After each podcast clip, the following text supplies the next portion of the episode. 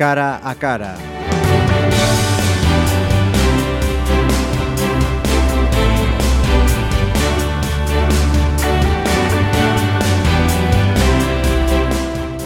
Saludos, eh, vamos hoy con un cara a cara que mm, va a tener muchas perspectivas. Eh, cultural, porque vamos a hablar de varias disciplinas culturales, muy pontevedresa y, además histórica. Todo eso alrededor de varios nombres y un evento.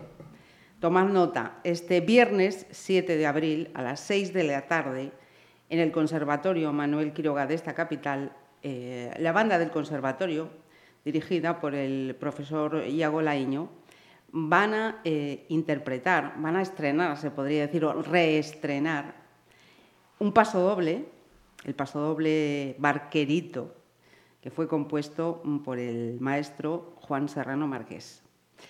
Estos dos últimos nombres eh, son un pontevedrés y otro se puede decir que pontevedrés de adopción. Me acompañan en este cara a cara de hoy dos personas. Eh, una, la primera que me decía, yo hoy no hablo. Pepe Taulófilos. Vamos a presentarte así para que todo el mundo te conozca. muchas, muchas gracias, lo primero, Pepe, porque fue gracias a ti como me enteré de este evento y de esta historia tan genial que vamos a contar hoy. Bueno, gracias a ti por, por apoyar todo este tipo de iniciativa relacionada con los toros, ya que, como sabes, estamos muy, muy, muy arrinconados eh, últimamente. Bueno, eh, quedas ya convocado para el mes de agosto, ¿eh? que lo sepas. Eso esperaba. y nuestro cara a cara de hoy es eh, con Juan Parra. Bienvenido, encantado de conocerte además. Y tengo entendido, me ha contado un pajarito, que estás empapadísimo de, de esa afición, pasión que tenía tu padre Enrique Parrita, para todos los pontevedreses, eh, por el cine y por la tauromaquia, ¿no? Y por la música y por muchas otras cosas que me inculcó y de la que le estoy muy agradecido, por supuesto. Eh, Juan, eh, resulta que este evento del que yo acabo de hablar, ese, vamos a decir así, reestreno ¿no? de, de ese paso doble en el conservatorio, se puede decir que es gracias a ti. Porque el año pasado hiciste un descubrimiento en la Biblioteca Nacional. Cuéntanos, por favor. Bueno, eh, más que gracias a mí, a mí en el conservatorio me dicen que yo soy el culpable, aunque yo le digo que los culpables son ellos, por llevar a cabo la, la, el arreglo y la preparación de esta pieza. El hecho es que yo estaba buscando información, porque yo entre mis hobbies está siempre estar pues indagando en bibliotecas, hemerotecas y con temas relacionados con toros o sin toros, pero sobre Pontevedra y sobre aspectos diferentes de, de la vida. Y de manera casual, que no sé si es casualidad o no, pues topé con Barquerito en, en la Biblioteca Nacional y me pareció una cosa tan curiosa que entré en, a ver qué había detrás de ese barquerito y efectivamente había un paso doble. Barquerito, Juan Serrano, entonces, a partir de ahí, claro, lo primero que se me ocurre es, mira, no sé qué es esto, pero lo quiero tener ya. Uh -huh. Me puse en contacto con ellos y, y conseguí una copia. Me la enviaron y en cuanto la tuve, pues bueno, ya lo primero que se me vino a la cabeza es, mira, le di mil vueltas, tengo que buscar a alguien que me la interprete, quiero saber cómo suena esto. Empecé a buscar información a Barquerito, ya lo conocía de sobra. Del maestro Serrano tenía notas por lo que me había comentado mi padre, porque mi, mi abuelo que también se llamaba como yo, Juan Parra, había pertenecido a la, al Orfeón de, la, de, la, de, Artesanos. De hecho, hay una fotografía que sale el Orfeón en la Plaza de Toros después de una de sus actuaciones importantes, que es una foto que, que está en muchas partes publicada, entre ellos está mi abuelo ahí en esa foto. Pues conocía cosas del maestro Serrano, pero claro, es lo que decían en los años 50 cuando se hizo un homenaje, que conocíamos cosas del maestro Serrano y la biografía del maestro Serrano estaba hecha boca a boca, por lo que decía la gente. Mira, pues el maestro Serrano esto, el maestro Serrano aquello. Todo el mundo tenía, era como una persona mítica en Pontevedra. La gente lo veía pasar y lo tenían un poco como un, como un dios. Y efectivamente es, uh -huh. vamos a ver, no es una blasfemia, pero... Sí, sí, eh, o sea, en los altares. Es, exactamente, y, y, y, y, hizo méritos para eso y para mucho más. O sea, uh -huh. yo, por ejemplo, es una de las personas que no entiendo por qué no tiene una calle en Pontevedra. Uh -huh. Cuando otras tienen dos, Uno de ellos es, por ejemplo, el pirata Benito Soto, que debió hacer méritos para hacer una calle, o para tener una calle. O sea, tiene una que se llama Milano Dos Mares y otra que se llama Benito Soto. Pero bueno, a ver uy, si-. O sea, do- dos a aparecer por error de un alcalde. Empezamos bueno. fuerte. Sí, sí. Pues podían darle una al, maestro Serrano. Por o a- ejemplo, O, por o a. Barquerito también. Y otras, sí. ¿Ves? Ya tenemos. También. El hecho es que me enviaron esa, la, la copia de la partitura y mi inquietud me llevó a, a pensar en gente con la que no contactaba desde hacía tiempo y no tenía manera de localizarlos y tal. Porque yo hubo un tiempo que estuve muy vinculado y relacionado con la música Ajá. y perdí ese contacto, pero bueno, como tengo dos hijos en el conservatorio, pues me acerqué hasta allí y, y se lo comenté al profesor de violín Sergio Heredia. Ajá. Y entonces me dijo, pues mira, te traes la partitura, quedamos tal día, tal hora y, y lo vemos. Efectivamente, quedé con él. Bueno, y entre clase y clase me estaba esperando en un pasillo con un profesor de piano, con Miguel Fontenla, y nos metimos en un aula los tres y allí sonaron las primeras notas que a mí aquello me pareció asombroso. A mí me dejó aquello que ya era más de lo que yo quería. Entonces Miguel Fontenla me dijo, mira, eh, yo ahora no te puedo hacer aquí una cosa tal, porque claro, tienen que irse a impartir sus clases y tal, pero no te preocupes que yo lo preparo un poquito y tal y te mando una grabación. Y así fue, que no tardó una semana en enviarme por un correo un MP3 y la verdad es que con eso ya cumplí mis expectativas de sobra, pero bueno. La realidad El todavía mismo, el va ir el mismo más día lejos. Sergio se dedicó a coger fotocopias y dijo, mira, hay una persona interesada, otro también, yo también. O sea, mostraron un interés que a mí me, me dejó, pero asombrado. Ajá. O sea, de, de ver la vocación que tiene esta gente con, lo, que está, con lo que hacen. Y, y la verdad es que, como ya llegaba a fin de curso y tal, la cosa quedó ahí. Y este año, pues en, en las últimas navidades coincidí con Sergio me dijo, mira, eso ya está en marcha, ya lo están montando y posiblemente en marzo o en abril, en una de las audiciones, se va a estrenar el paso doble. Y así es, o sea, está ya la, la obra en marcha. Pues aún lo vamos a repetir para que quede bien grabadito. Viernes 7 de abril, 6 horas, entrada libre en el Conservatorio Manuel Quiroga. Eh, entramos ahora, si te parece, eh, te quiero preguntar por no solo por Barqueritos, sino por la saga pontevedresa de los Barqueritos. Bien, Barquerito se inició con Manuel Escudero Torres. Que mucha gente pues mayor lo recordará con su sombrero de lancha cuando era ya una persona entrada en años que nun- nunca abandonó su, su forma de ser torera o sea eso fue algo que lo acompañó durante toda su vida se falleció en el 68 yo tengo un vago recuerdo de verlo por la calle pero mu- muy vago y me llamaba la atención por eso porque iba con un sombrero de lancha yo era muy pequeñito de aquella pero bueno esas cosas te quedan y fue el iniciador de la saga. Eh, ¿Cómo empezó la, la- la tendencia taurina de Barquerito? Pues su padre eh, era carnicero, tenía una carnicería en pollo. Y cuando se celebraron las primeras corridas en Pontevedra, eh, fue el tratante de la carne del, del ganado que se lidió en, en la Plaza de Toros. Entonces, uno de los toros destrozó una montera, la Sí. pisoteó y allí quedó.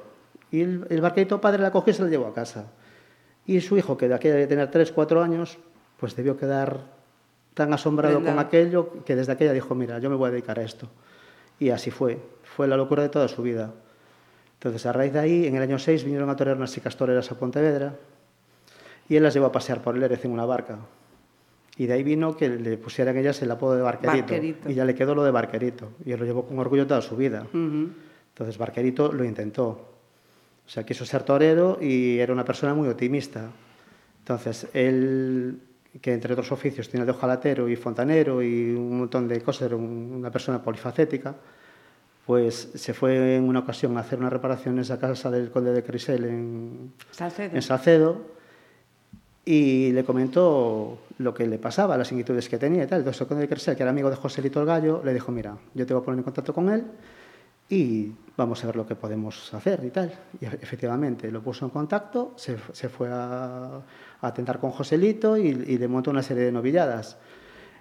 ¿Qué pasó? Que a Barquerito le faltaba lo fundamental, que era la técnica y el conocimiento, porque claro, hay que estar en, en Pontevedra, aunque sea, aunque mucha gente lo niegue, Galicia siempre fue tierra de, de to- de toreros y, de, y de gente aficionada a los toros, pero lo que no hay aquí es ganaderías, entonces ahí ya no podemos competir con el resto de, de España. Bueno, Puedo hacerte un inciso, solo para, para que la gente sepa, eh, que estamos hablando de Joselito, el gallo, gallito, de la saga de los gallos. Uh -huh. O sea, estamos hablando de la, de la edad de oro del toreo, toreo. español que no estamos hablando de...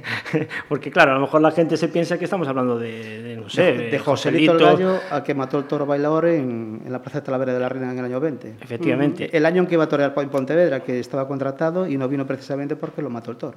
Pues estamos hablando de esa gente. Y ahora podéis seguir. ¿eh? Sí, sí, no, no, no. ¿Ves? Como yo quería que hablases, para que empieces otras Hombre, Joselito, Joselito y, y Belmonte, uh -huh. que es la, la, considerada la edad de oro de, de la tauromaquia, pues eh, fue un antes y un después. Uh -huh. Después de Belmonte eh, se toreó eh, de otra forma, con los pies en, en el suelo, claro. En el suelo, moviendo lo que había que mover y no corriendo detrás del toro como se corría, y como también hacía Joselito, aunque Joselito tenía un, un gran conocimiento del, del, toro, lo conocía mucho, mucho, mucho.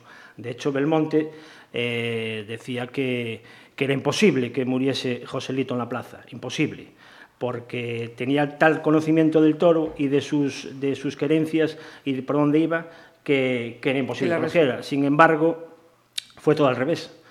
Eh, Belmonte no fue capaz de que un toro lo matara en la plaza, que era lo que quería él. Uh -huh. Claro que se pueda. hay, hay formas de ser, hay formas de, de, de, pensar, y sin embargo Joselito sí, murió, uh -huh. murió en la plaza, sí.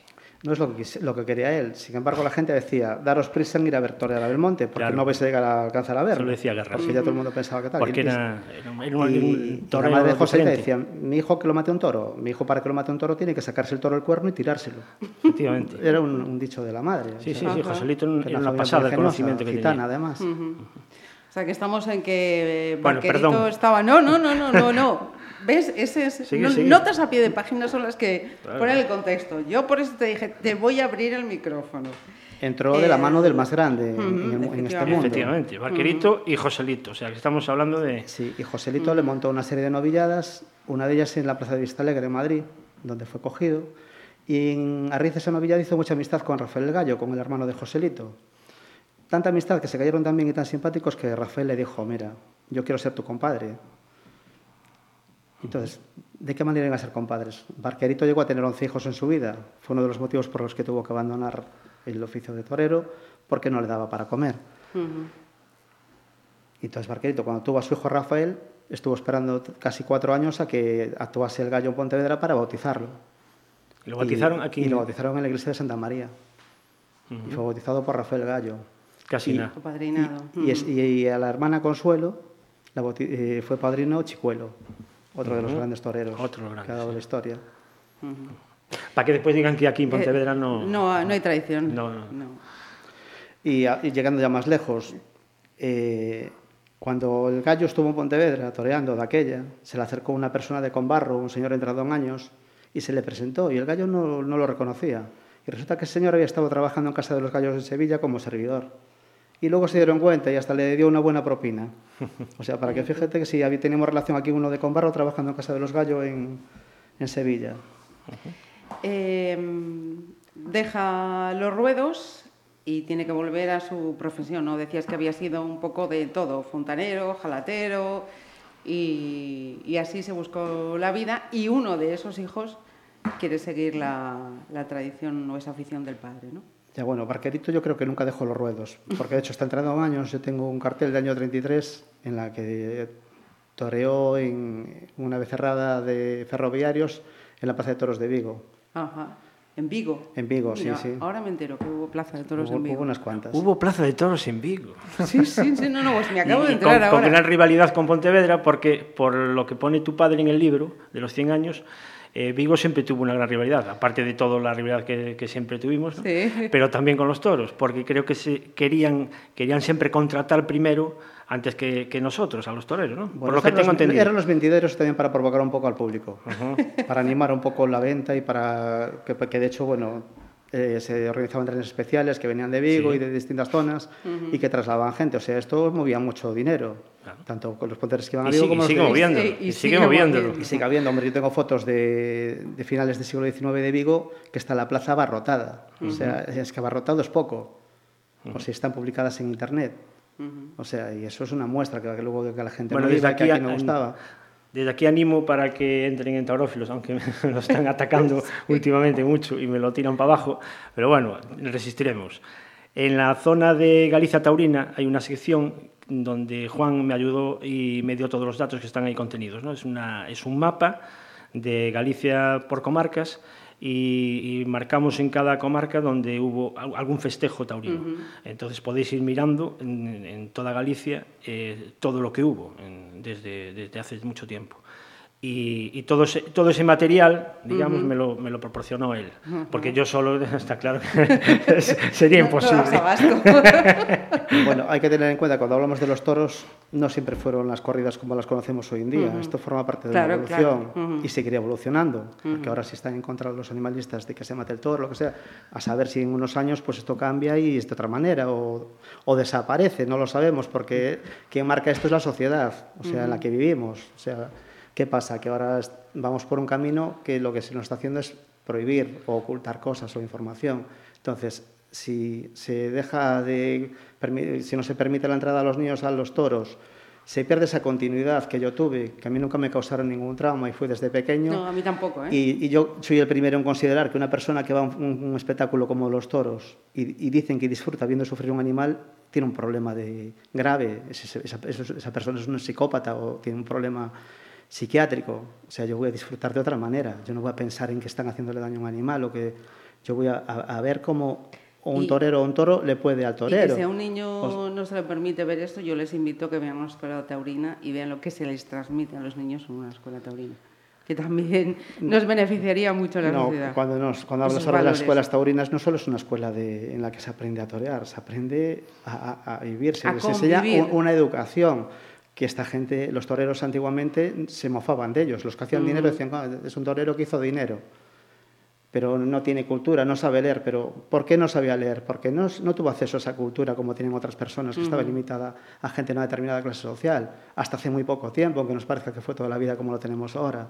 Eso no fue así. Uh -huh. Y los toreros, ¿cómo se curtían? En capeas, recibiendo cornadas, sin atenciones médicas, sin medios, yendo de pueblo en pueblo, asaltando ganaderías para torear toros y recibiendo palizas, o, o algo cuantos se murieron uh -huh. y desaparecieron y no supo más de ellos porque los mataban simplemente porque los cogían toreando en ganaderías. Uh -huh. O sea, eso sí. era una realidad y todo eso se erradicó porque la sociedad, o sea, hemos evolucionado, hemos cambiado y somos de otra manera. Uh -huh. Mira, estábamos con Barquerito Hijo, que debuta en, a finales de, de la década de los 20, ¿no? Sí, bueno, eh, antes de ir con el hijo, acabar yo con el padre. Perdón. No, solo un inciso, que la carrera del padre, a pesar de que como profesional lo dejó, uh -huh. durante bastante tiempo fue fundamental en las becerradas y novilladas que se organizaban en Pontevedra. Siempre eran a beneficio de algo. Yo creo que de ahí viene que el maestro Serrano le, compusiese, le compusiese el paso doble porque eh, los orfeones o las bandas, cuando necesitaban dinero para desplazarse, para ir a concursos, pues de alguna manera tienen que recurrir Tenía. para conseguir medios. Claro. Entonces, muchas veces hicieron festivales benéficos y uno de ellos lo hizo eh, Toreo Barquerito gratuitamente para la banda de, que dirigía el maestro Serrano para que pudieran ir a Lugo. Para con, la banda acompañando de, de los exploradores.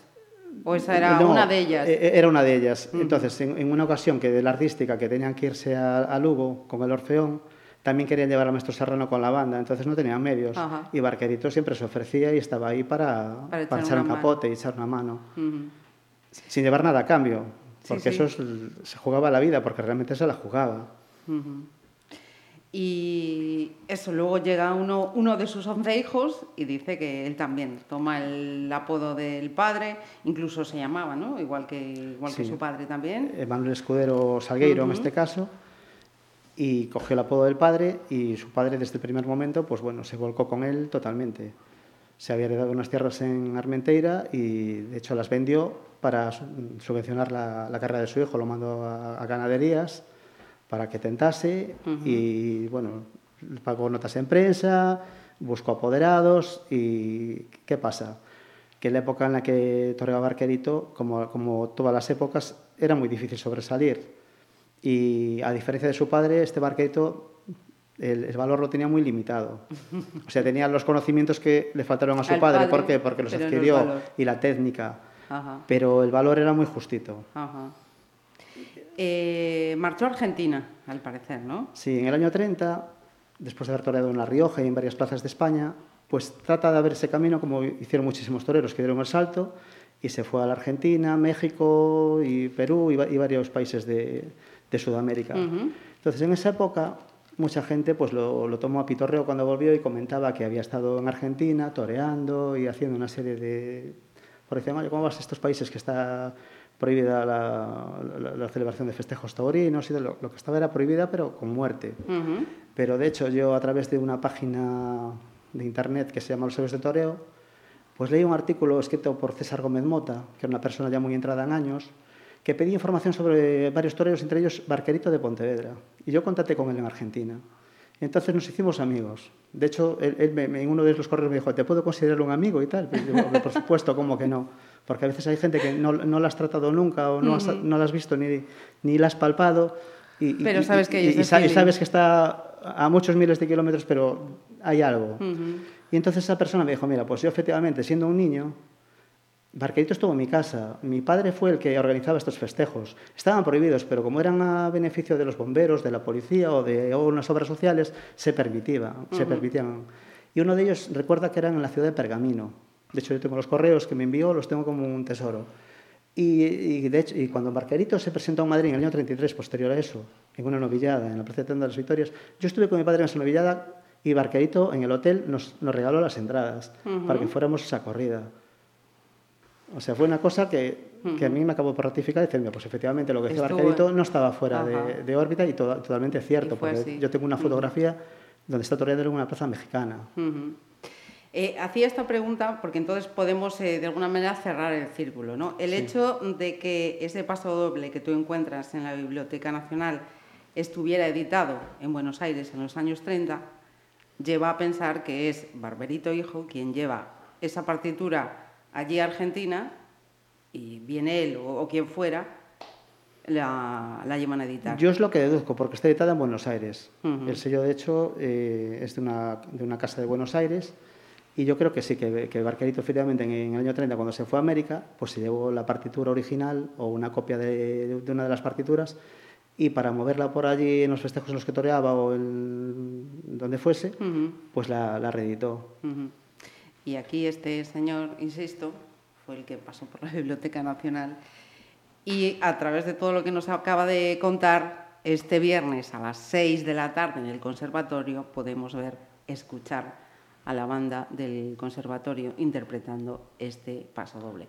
Preguntaba Pepe antes, eh, Manuel eh, Escudero, eh, a día de hoy, tenemos familia aquí en Pontevedra o en ayuntamientos de los alrededores. Tiene familia, tú imagínate, si tuvo 11 hijos, aunque algunos por las circunstancias y por la época en que nacieron, era una época difícil en la que se morían muchos críos. De hecho, que, eh, Barquerito, perdón, eh, segundo murió en la guerra civil, ¿no? En la contienda. Sí, efectivamente. O sea, Barquerito se vio truncada su carrera taurina en parte eh, primero, porque al regresar de América la había retomado, llegó a Torre en Tetuán, no tuvo mucho éxito porque, claro, en esas corridas te echaban el ganado que te echaban y te lo jugabas todo a cara o cruz.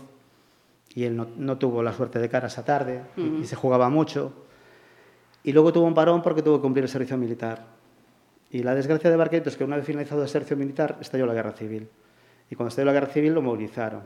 Y él se negó a ir a la guerra. Entonces él lesionó un pie. Esto me lo contó su hermana Milucha. Y estuvo así un tiempo hasta que se curó de sus heridas y lo obligaron a ir al frente de Asturias.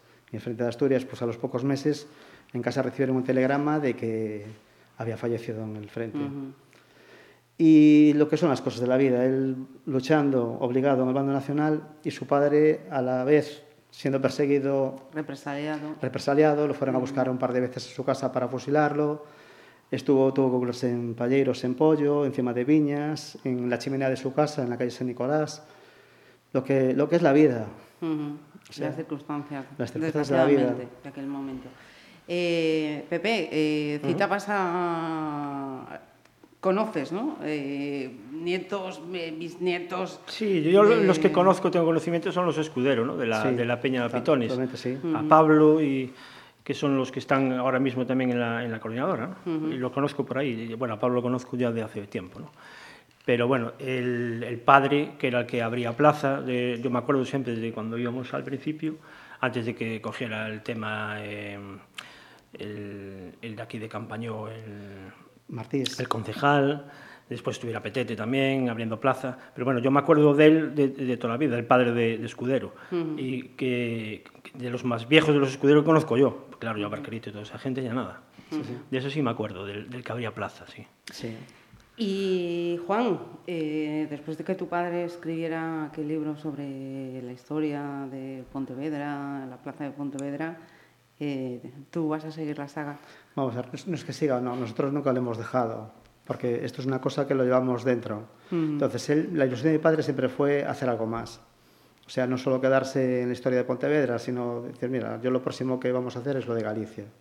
Y estábamos con eso y empezamos, y él lo llevaba con mucha ilusión, y de, de hecho yo si sabes lo que ocupa un Word eh, o lo que pesa un archivo de Word pequeñito, yo debo tener 5 gigas en Word de, de, de material que mm, recogido durante todos estos años, solo de lo que es toros en Galicia. O sea, lo de toros, o sea, de Galicia, en ya, Galicia. ya había empezado tu, tu padre. Em, empezamos, lo que pasa que era ah, vale, vale, hace una década no que falleció, lo hace hasta uh -huh. agosto. Pensé que habías empezado tú solo. No, no, empezamos los, los uh -huh. dos. O sea, él era su ilusión. Entonces, ¿qué pasa? Que es una cosa que los, los medios que hay ahora no son los que había antes. Antes claro, tenías que claro. irte a, a, una biblioteca, sentarte allí, esperar una hora que te trajeran uh -huh. el periódico, tenías aquel tiempo para estar allí. Ahora, a través de internet, o, tienes más medios, o sea, puedes trabajar a, las 24 horas del día si quieres en casa o, o, o, desde la playa, o sea, desde te plazca. Puedes estar continuamente buscando datos y eso para mí fue una gran ayuda. Y aparte que hayan digitalizado muchas bibliotecas, o que tengan uh -huh. los medios de contactar y que te envíen información o entrar en los archivos, que antes era una cosa un poco vedada. Uh -huh. ¿Y o cuándo sea, vamos a ver eso? Pues no lo sé. De momento yo creo que no son buenos tiempos en este momento para... Porque no veo que haya mucho interés a nivel general, ¿entiendes? Pero Juan, yo, si, esperas, eh, si esperas a que haya interés... Eh... Para, para mí esto es una satisfacción personal, ¿entiendes? Yo lo hago para mí. O sea, uh -huh. yo, para, yo me siento te, te digo, Juan, satisfecho que para muchos sería una satisfacción poder leer todo eso, ¿eh? Ya. Sí, yo estoy, yo estoy esperando. Yo te digo que yo, yo lo hago porque yo cuando hago algo es porque lo disfruto, porque me gusta hacerlo. Uh -huh. Si no, lo tengo muy claro, que no lo hago. Uh -huh. O sea, yo todo lo que hago lo tengo que hacer al 100%. Si no es que soy una persona que o, o, o soy de cero o soy de 100. Uh -huh. Si soy de esa manera. Yo cuando hago algo me, me apasiono con eso y lo hago. Y, y Pepe, bueno. lo invitamos cuando sea la presentación de ese libro. Claro, claro. A otro cara a cara. Bueno, yo creo que de, de, lo que tengo yo se pueden quitar muchos libros, no uno solo. O sea, pues entonces ya estás convocado para el primero, es que la segunda. Encontrar a alguien que tuviera la paciencia o, o, o, o la, la, pasión que tengo yo para pasarse las horas que me he pasado yo. Porque uh -huh. yo ahora creo que si me tengo que poner desde el principio a ver todo lo que tengo no solo archivado, lo que he coleccionado, lo que tengo es que no, no ya no me queda tiempo de vida para verlo. No me da tiempo a mí a pasar el libro de tu padre a la, a la página web. Sí. Bueno, pero lo que pasa es que estas cosas hay que utilizarlas ya de otra manera, como consulta. Ya, Porque ya. la gente lo que quiere son muchas veces las estadísticas. Oye, ¿cuánto, ¿cuántas orejas cortó aquel? ¿Cuántas veces torreó en Pontevedra? ¿Cuánto tal? Pero, sí, no, no, pero, yo creo que la base de todo eso es otra cosa. Pero todo hay veces que, que hay cosas que no se pueden plasmar. Claro, tú vas claro, a una corrida de toros y tú hablas con cuatro personas y cada una la vio de una manera diferente. Uh -huh.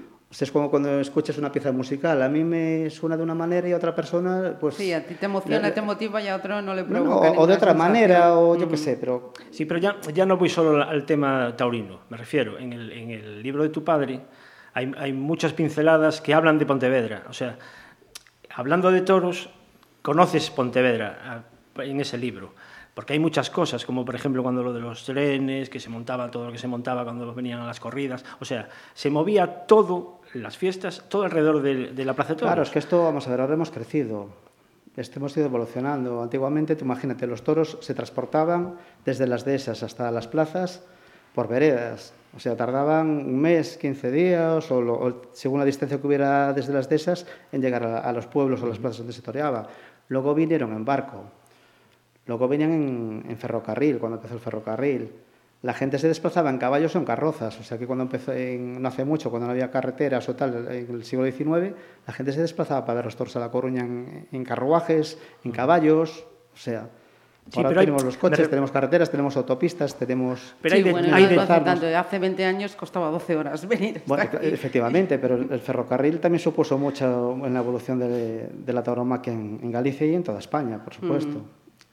Pero hay, hay detalles en ese libro, por ejemplo, los precios, cuando tu padre pone los precios de las entradas, los precios del ambigú, cuando eh, lo Sí, que valía un detalles, café, claro. esas cosas es que es, es una auténtica maravilla verlo. O sea, te está, te está dando una realidad de, de- de aquella Pontevedra, de cómo vivía aquella gente. Cuánto valía un café, cuánto valía una entrada de, de toros, cuánto, eh, cuánto- mu- muchos datos que se escapan de lo que era la tauromaquia. O sea, tu padre, aparte de, enseñarnos y de guardar todo ese, ese, ese bagaje, digamos, de, Histórico cultural, de eh, es que eh, aprendes mucho de cómo era Pontevedra aquella. Es que aparte no- aquí no estábamos preparados para el contingente de gente que acudió a las corridas de toros, porque de hecho hasta se compraban sillas en los hoteles para dormir sentado en una silla y se alquilaban las sillas por horas.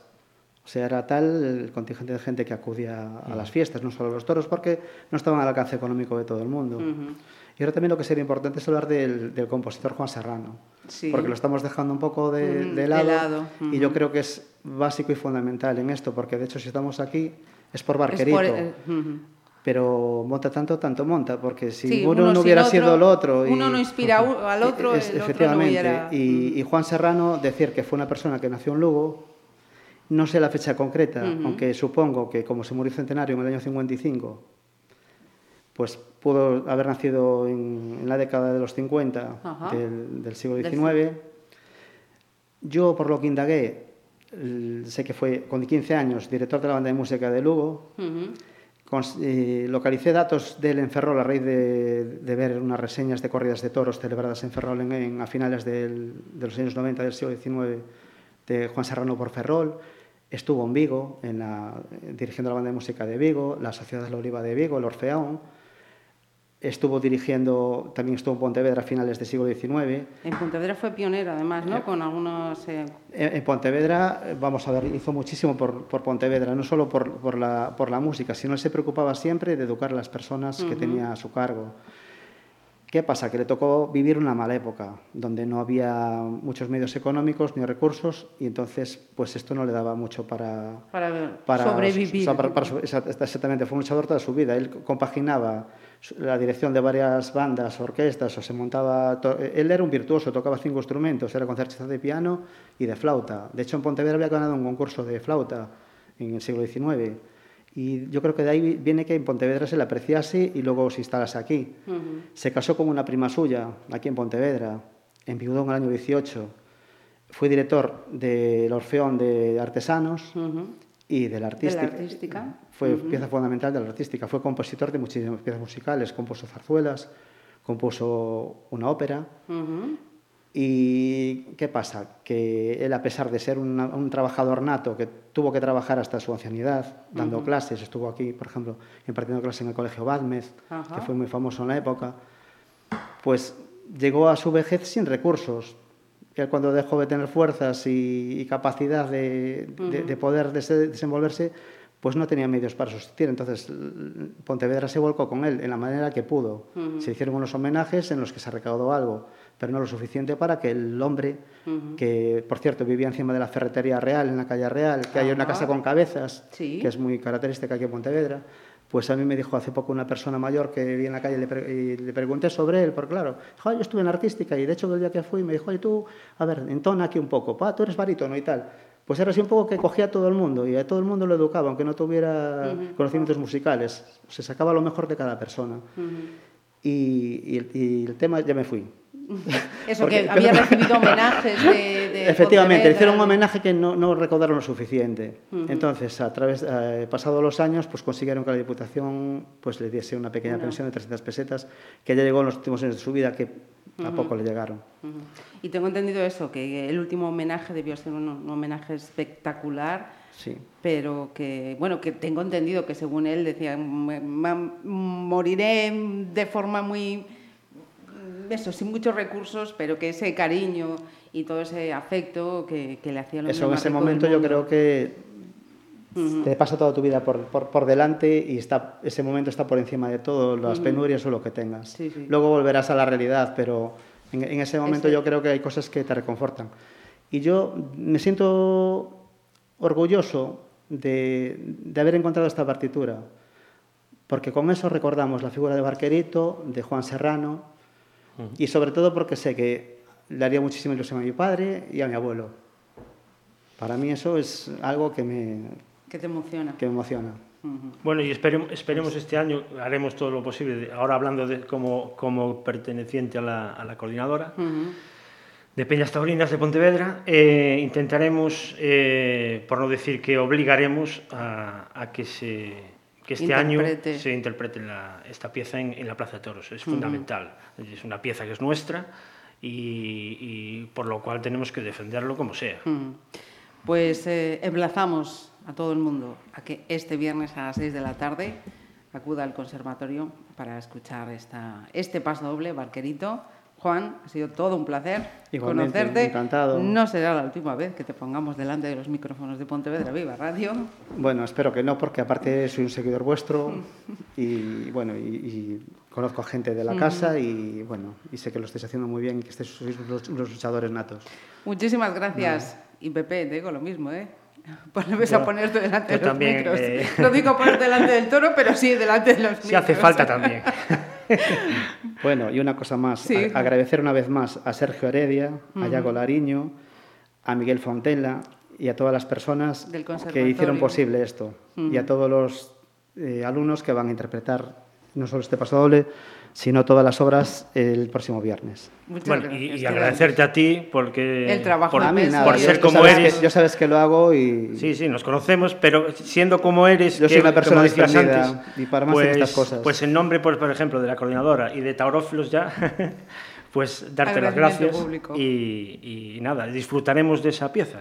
imagino. Sin duda. Tú que ya la oíste, bueno, pues nada, muchas gracias a vosotros. venga.